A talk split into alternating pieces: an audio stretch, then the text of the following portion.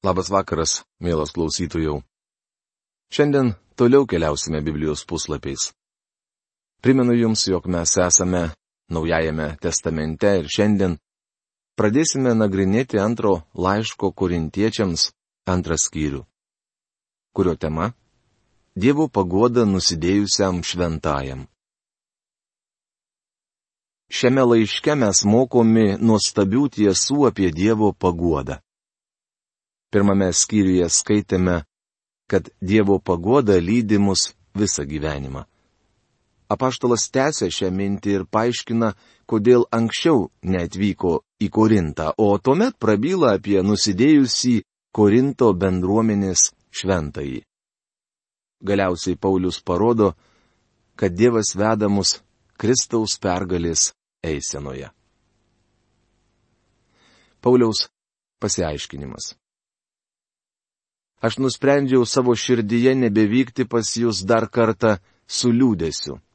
Antras laiškas korintiečiams, antras skyrius, pirma eilutė. Paulius prisipažįsta, kad buvo nusivylęs korintiečiais. Jis neplankė jų anksčiau, nes būtų atvykęs su liūdėsiu. O jei aš pats jūs liūdinu, tai kasgi mane pralinksmins, jeigu ne mano nuliūdintasis? Antras laiškas Korintiečiams antras skyrius, antra eilutė. Paulius nenorėjo vykti į Korintą liūdėdamas, su ašaromis akise, nes būtų pravirkdęs ir korintiečius. Kas tuomet būtų pralinksminę Paulių? Visi tik nosis šnirpštų. Aš esu tai parašęs, kad atvykęs neturėčiau liūdėti dėl tų, kuriais dėrėtų džiaugtis. Juk tikiu jumis visais, kad mano džiaugsmas yra ir visų jūsų džiaugsmas. Antras laiškas kurintiečiams, antras skyrius, trečia eilutė. Paulius troško atvykti džiugę širdimi. Jis tikėjosi išgirsti, kad korintiečiai paklausė jo pamokymų ir pasikeitė. Paulius atveria Korinto tikintiesiems savo širdį. Ašgi jums esu rašęs iš didelio sielvarto ir širdies suspaudimo, su gausiomis ašaromis ne tam, kad pastumėčiau jūs į nusiminimą, bet kad pažintumėte meilę, kurios pertekusi jums mano širdis. Antras laiškas kurintiečiams, antras skyrius ketvirta eilutė. Kai kurie žmonės pyksta ant pamokslininkų, kai šie griežtai pamokslauja. Kartais pabarimas ar priekaištas iš Dievo žodžio sukelia susirinkusiųjų nepasitenkinimą. Kai kas mano, jog pastoriui nedėra griežtai kalbėti. Leiskite jums pasakyti, mano draugė, kad ištikimas pastorius privalo tai daryti. Šventajame rašte skaitome įsakymą aš karštai prašau dėl Dievo ir Kristaus Jėzaus, kuris teis gyvuosius ir mirusiuosius, dėl jo apsireiškimo ir karalystės. Skelb žodį, veik laiku ir nelaiku, bark, drausk, ragink su didžiu kantrumu ir kaip išmanydamas. Antras laiškas Timotiejui ketvirtas skyrius, pirmą antrą eilutės. Visi stovintys už sakyklos turi didžiulę atsakomybę sudrausti tai, kas neteisinga. Daugeliu iš šventųjų tai nepatinka. Paulius šiuose eilutėse pabrėžia, jog barė korintiečius ne todėl, kad buvo priešiškai nusiteikęs jų atžvilgiu, bet dėl to, kad juos mylėjo. Ištikimas pastorius parodo savo meilę skelbdamas Dievo žodį tokį, koks jis yra, užuot pataikavęs susirinkusiesiems. Pagoda nusidėjusiam šventajam. Leiskite jums priminti, jog savo pirmame laiške korintiečiams Paulius barė tikinčiuosius už tai, kad savo bendruomenėje jie toleravo baisiausią ištvirkimą net į kraujomaišą jie žiūrėjo pro pirštus. tuo tarpu dėjusi esą labai dvasingi. Tokio ištvirkimo nepasitaikydavo net pas pagonis, tačiau Korinto krikščionis paprasčiausiai ignoravo šį faktą. Paulius rašė korintiečiams, kad jie privalo sutvarkyti šį reikalą. Jis griežtai išbarė Korinto tikinčiuosius. Pašalinkite piktadarį iš savo pačių tarpo, rašė Paulius pirmame laiške korintiečiams penktame skyriuje, tryliktoje eilutėje. Bendruomenė paklausė Pauliaus ir tą žmogų atskyrė nuo bažnyčios. Jeigu kas nuliūdino, tai ne mane, bet kad neperdėčiau, bent iš dalies nuliūdino jūs visus. Tokiam pakanka daugumos paskirtosios bausmės. Antras laiškas korintiečiams, antras skyrius, penkta, šešta eilutės. Korintiečiai paklausė Pauliaus. Jie kaip ir dėrėjo, nusidėjėlį atskyrė nuo bažnyčios. Tuomet šis žmogus pripažino savo nuodėmę ir išgyveno didelį apkaltinimą. Kaip turėjo elgtis Korinto bendruomenė? Jie privalėjo atleisti. Net atvirkščiai, jūs turėtumėte jam atleisti ir jį paguosti, kad pernelyg didelis nusiminimas jo nepražudytų. Todėl aš raginu jūs parodyti jam meilę. Antras laiškas korintiečiams, antras skyrius, septinta, aštunta eilutės. Jis jums liūdėti ne tik dėl savo nuodėmės, bet ir dėl to, kad jūs jį atstumėte. Tad apkabinkite jį kaip draugą ir parodykite jam savo meilę. Galatijos tikintiesiems Paulius rašė, Broliai, jei kuris žmogus būtų pagautas nusikaltęs, Jūs, dvasio žmonės, pamokykite tokį romiai. Bet žiūrėk, kad ir pats neįpultum į pagundą. Rašoma Galatams laiško šeštos skyriaus pirmoje eilutėje. Tam jums ir parašiau, kad patirčiau, ar jūs visais atžvilgiais esate klusnus.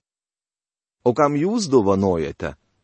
Tam dovanoju ir aš, nes Jei kam dovanojau, tai padariau dėl jūsų Kristaus akivaizdoje, kad nebūtume šietono apgauti. Mes juk žinome jo kėslus. Antras laiškas korintiečiams, antras skyrius, devinta, vienuolikta eilutės. Šietonas tengiasi, kad mes būtume kraštutinių pažiūrų žmonės. Kartais jis pasirūpina, kad nekreiptume dėmesio net į baisiausią amoralumą. Šiandien tai dažnas reiškinys bažnyčiose. Pažįstu pamokslininką, kuris net trijose skirtingose bendruomenėse turėjo bėdų su moterimis. Tos bažnyčios žinojo apie jo liūdną praeitį, bet vis viena priėmė tarnauti pastoriumi. Toleruodamos ištvirkimą, jos pakenkė Jėzaus Kristaus darbui. Tarkime, tas pamokslininkas atgailavo ir nuoširdžiai nusigrėžė nuo savo nuodėmės, nors to jis nepadarė. Tuomet tikintieji turėtų jam atleisti. Nelaimiai, daugelis mūsų kietas sprandžių brolių nelinkia niekam atleisti. Tai toks pat velnio darbas, kaip ir tai, kad žmonės abejingi ištvirkimui. Šitonas pasinaudoja krikščionių nenoru atleisti. Šiandien net konservatyviausiose bažnyčiose nedažnai išgirsite, kad kas nors pripažintų savo nuodėmę ir paprašytų atleidimo. Taip pat retai girdime, kad žmonės atleistų tiems, kurie išpažįsta savo nuodėmės. Daugelį nūdienos bažnyčių tvyro net laidumo dvasia. Nereikia pamiršti, kad visi mes galime padaryti bet kokią nuodėmę.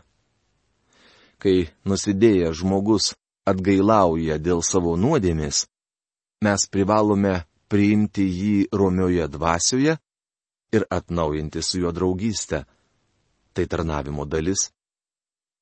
Argi nešlovinga šis tarnavimas? Kai atvykau į Troadę skelbti Kristaus Evangelijos, viešpats buvo man pravėręs duris. Antras laiškas korintiečiams, antras skyrius, dvylikta eilutė. Atvykęs į Troadę, apaštalas rado praviras duris. Tuo metu Dievas norėjo, kad užuot vykęs į Korintą, jis pasiliktų Troadėje ir skelbtų Evangeliją to krašto žmonėms. Paulius buvo ištikimas ir išnaudojo Dievo suteiktą galimybę. Bet aš neturėjau dvasios ramybės, kadangi nesutikau ten savo brolio Tito, tad atsisveikinęs iškeliavau į Makedoniją. Antras laiškas korintiečiams antras skyrius 13 eilutė. Net ir skelbdamas Evangeliją Troadėje, Paulius liūdėjo, mat nesutiko Tito, kuris turėjo jam atnešti žinę apie Korinto bendruomenę. Paulius laukė atvykstant Tito, bet šis nepasirodė. Tuomet apaštalas iškeliavo į Filipus ir Makedoniją. Tenais susitiko su Titu ir sužinojo, jog kitados ištvirkavęs vyras atsivertė bei nusigrėžė nuo savo nuodėmės. Pergalingas tarnavimas. Dėkui Dievui, kuris mus visuomet veda Kristaus pergalės eisenoje ir per mus visur skleidžia mielą savo pažinimo kvapą. Antras laiškas kurintiečiams, antras skyrius, keturiolikta eilutė. Čia Paulius moko, kad Evangelijos skelbimas yra tarsi pergalės eisena. Tai aluzija į romėnų pergalės eiseną. Didėjai Romos karvedžiai nuolat įsiverždavo į svetimas žemės - Europą, kur tuo metu gyveno mano protėviai, ar į Afriką ir jas užkariaudavo. Tuo metu galingoji Romos imperija praktiškai nepatirdavo pralaimėjimų. Taigi užkariautojas grįždamas pergalingai įžengdavo į Romą. Sakoma, kad kartais tokia pergalės eisena prasidėdavo ryte, o baigdavosi tik vėlų vakarą. Romėnų užkariautojas į didįjį miestą atgabendavo gyvulių ir kitokio karo laimikio pergalės eisenos prieš akiją žengdavo į nelaisvę paimti žmonės, kurie vėliau būdavo išlaisvinami ir tapdavo Romos piliečiais, o eisenos galeidavo mirtininkai. Pergalingos eisenos metu būdavo deginami smilkalai. Taip romėnai dėkodavo savo dievams už pergalę. Dažnai visa procesija tiesiog skendėdavo smilkalų dūmuose. Visą tai žinodamas Paulius rašo, dėkui Dievui, kuris mus visuomet veda Kristaus pergalės eisenoje. Tai nuostabu, bičiuli. Kristuje nėra pralaimėjimo. Jūs negalite pralaimėti. Paulius tvirtina, kad Dievas visuomet mums suteikia pergalę. Minutėlę, Pauliau. Visuomet? Visur? Mes žinome, kad tau puikiai sekėsi Efeze, bet juk Atenuose tavo tarnavimas nebuvo itin sėkmingas. Ar nori pasakyti, kad tiek vienur, tiek kitur laimėjai pergalę? Taip, tvirtina Paulius, jis visuomet mus veda Kristaus pergalės eisenoje. Ir per mus visur skleidžia mielą savo pažinimo kvapą - malonaus kvapo smilkalus. Ar mes patiriame pergalę, kai niekas neatsigrėžia į Kristų? Tikrai taip, tvirtina Paulius.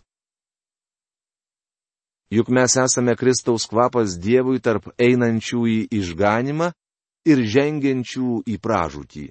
Antras laiškas korintiečiams, antras skyrius penkiolikta eilutė. Pergalės eisenoje kartu žygiuodavo ir tie, kurie netrukus bus išlaisvinti, ir mirtininkai. Vieniems mirties kvapas, nešantis mirtį, kitiems gyvenimo kvapas, vedantis į gyvenimą. O kasgi tinkama šiam uždaviniui? Antras laiškas korintiečiams, antras skyrius šešiolikta eilutė. Paulius sužavėtas, Jis klausia, o kasgi tinkama šiam uždaviniui? Draugužiai, didžiausia privilegija pasaulyje - skleisti Dievo žodį. Niekas tam negali prilygti. Niekada nenorėčiau savo kandidatūros kelti į jungtinių valstijų prezidentus. Nesuprantu, kodėl žmonės šiandien siekia tapti prezidentais, juk valstybės vadovui teks susidurti su neįsprendžiamomis problemomis. Tačiau skelbti Dievo žodį iš ties nuostabu. Žinote kodėl? Todėl, kad Dievas visuomet suteikia mums pergalę. Kai pastoriavau Los Andželė, beveik kiekvieną sekmadienį kas nors atsigręždavo į Kristų. Dažnai tikėdavo išties daug žmonių. Nuostabu, kai išgirdę Evangeliją daugybė žmonių priima Kristų. Tai pergalė. Mes esame gyvenimo kvapas tiems, kurie įgyja išgelbėjimą. Tačiau tiems, kurie atstumia Kristų, mes esame mirties kvapas. Dažnai po pamokslo sakau susirinkusiesiems, jei išeisite atstumę Kristų, tuomet aš esu jūsų didžiausias priešas, kokį tik kada esate turėję ar dar turėsite. Mat atsidūrę Dievo akivaizdoje, nebegalėsite pasiteisinti, kad niekada negirdėjote Evangelijos. Visgi šiuo metu jūs žengėte pergalės eisenoje. Jei nebūsite išlaisvintas, jūsų laukia pasmerkimas. Tačiau, kad ir kokia bus jūsų dalė, dabar žygiuojate didžiojoje Jėzaus Kristaus pergalės eisenoje, nes jis nugalės bičiuli. Kiekvienas kelias priklaus prieš jį ir kiekvienos lūpos išpažins, kad Jėzus Kristus yra viešpats. Vieną dieną būsite priversti prieš jį atsiklaupti nesvarbu, ar jis bus jūsų gelbėtojas ar teisėjas. Todėl visai nenuostabu, kad Paulius klausia, o kasgi tinkamas šiam uždaviniui. Vieniems mirties kvapas nešantis mirtį, kitiems gyvenimo kvapas vedantis į gyvenimą. Šiandien deginami smilkalai, skleidžiamas Dievo žodis. Mes esame mirties ir gyvenimo kvapas. Mes neprekiaujame kaip daugelis Dievo žodžiu, bet kalbame Kristuje iš tikro širdies, Dievo įkvėpti, Dievo akivaizdoje. Antras laiškas korintiečiams, antras skyrius 17 eilutė. Toks yra krikščioniško tarnavimo planas. Mums nevalia prekiauti Dievo žodžiu ar jį iškraipyti. Privalome jį skelbti iš tyro širdies, kaip šventoji dvasia mums jį apreiškia. Antras laiškas kurintiečiams - trečias skyrius. Tema - Dievo pagoda šlovingoje Kristaus tarnystėje. Paulius kalbėjo apie pergalingą tarnavimą. Dabar jis prabyla apie tarnavimo įgaliojimus. Šiame skyriuje apaštalas pakils į dvasinės aukštumas. Ar pradėsime jums iš naujo prisistatinėti? Gal reikia, kaip kai kuriems lydimųjų laiškų jums ar nuo jūsų? Antras laiškas kurintiečiams, trečias skyrius, pirmą eilutę. Paulius klausia, ar turiu pateikti jums rekomendacinį laišką nuo savo darbdavio? Ar reikia, kad parodyčiau jums laišką iš Dievo, liudijantį, jog esu jo tarnautojas? apaštalas sako, ne, man jis nereikalingas. Dėl šios priežasties. Ne, nes jūs patys esate mūsų laiškas, įrašytas mūsų širdyse, visų žmonių suprantamas ir skaitomas. Jūs pasirodėte esą Kristaus laiškas, parengtas mūsų patarnavimu, surašytas nerašalu, bet gyvojo Dievo dvasia, ne akmens plokštėse, bet gyvų širdžių plokštėse. Antras laiškas korintiečiams trečias skyrius, antra trečia eilutės. Kiekvieno tarnautojo tinkamumas susijęs su tuo, ar jį paskyrė Dievas. Dievas nedalina rekomendacinių laiškų, Geriausias įrodymas - laiškai surašyti gyvų širdžių plokštėse. Aš perskaičiau daug laiškų, kuriuos parašė žmonės, atsigręžę į Kristų mano radio tarnavimo dėka. Prieš keletą metų Houstone, Teksaso valstijoje, sutikau nuostabę šeimą. Net jei niekas kitas tame krašte nebūtų atsigręžęs į Kristų dėl mano radio programų, vis viena laikyčiau jas naudingomis. Šie žmonės klausėsi radio laidų tris mėnesius, kol galiausiai įtikėjo Kristų. Visa nuostabi šeima priėmė jį kaip savo gelbėtoją. Jie yra gyvi laiškai, kuriuos aš turiu Teksaso valstijoje. Tokių laiškų turiu beveik kiekvienoje Amerikos valstijoje ir daugelyje kitų pasaulio kraštų. Jie ir yra mano rekomendaciniai laiškai. Paulius sako Korinto tikintiesiems, jūs esate mūsų laiškai įrašyti mūsų širdyse, kuriuos visi mato ir skaito. Tokį pasitikėjimą Dievu mes turime Kristaus dėka.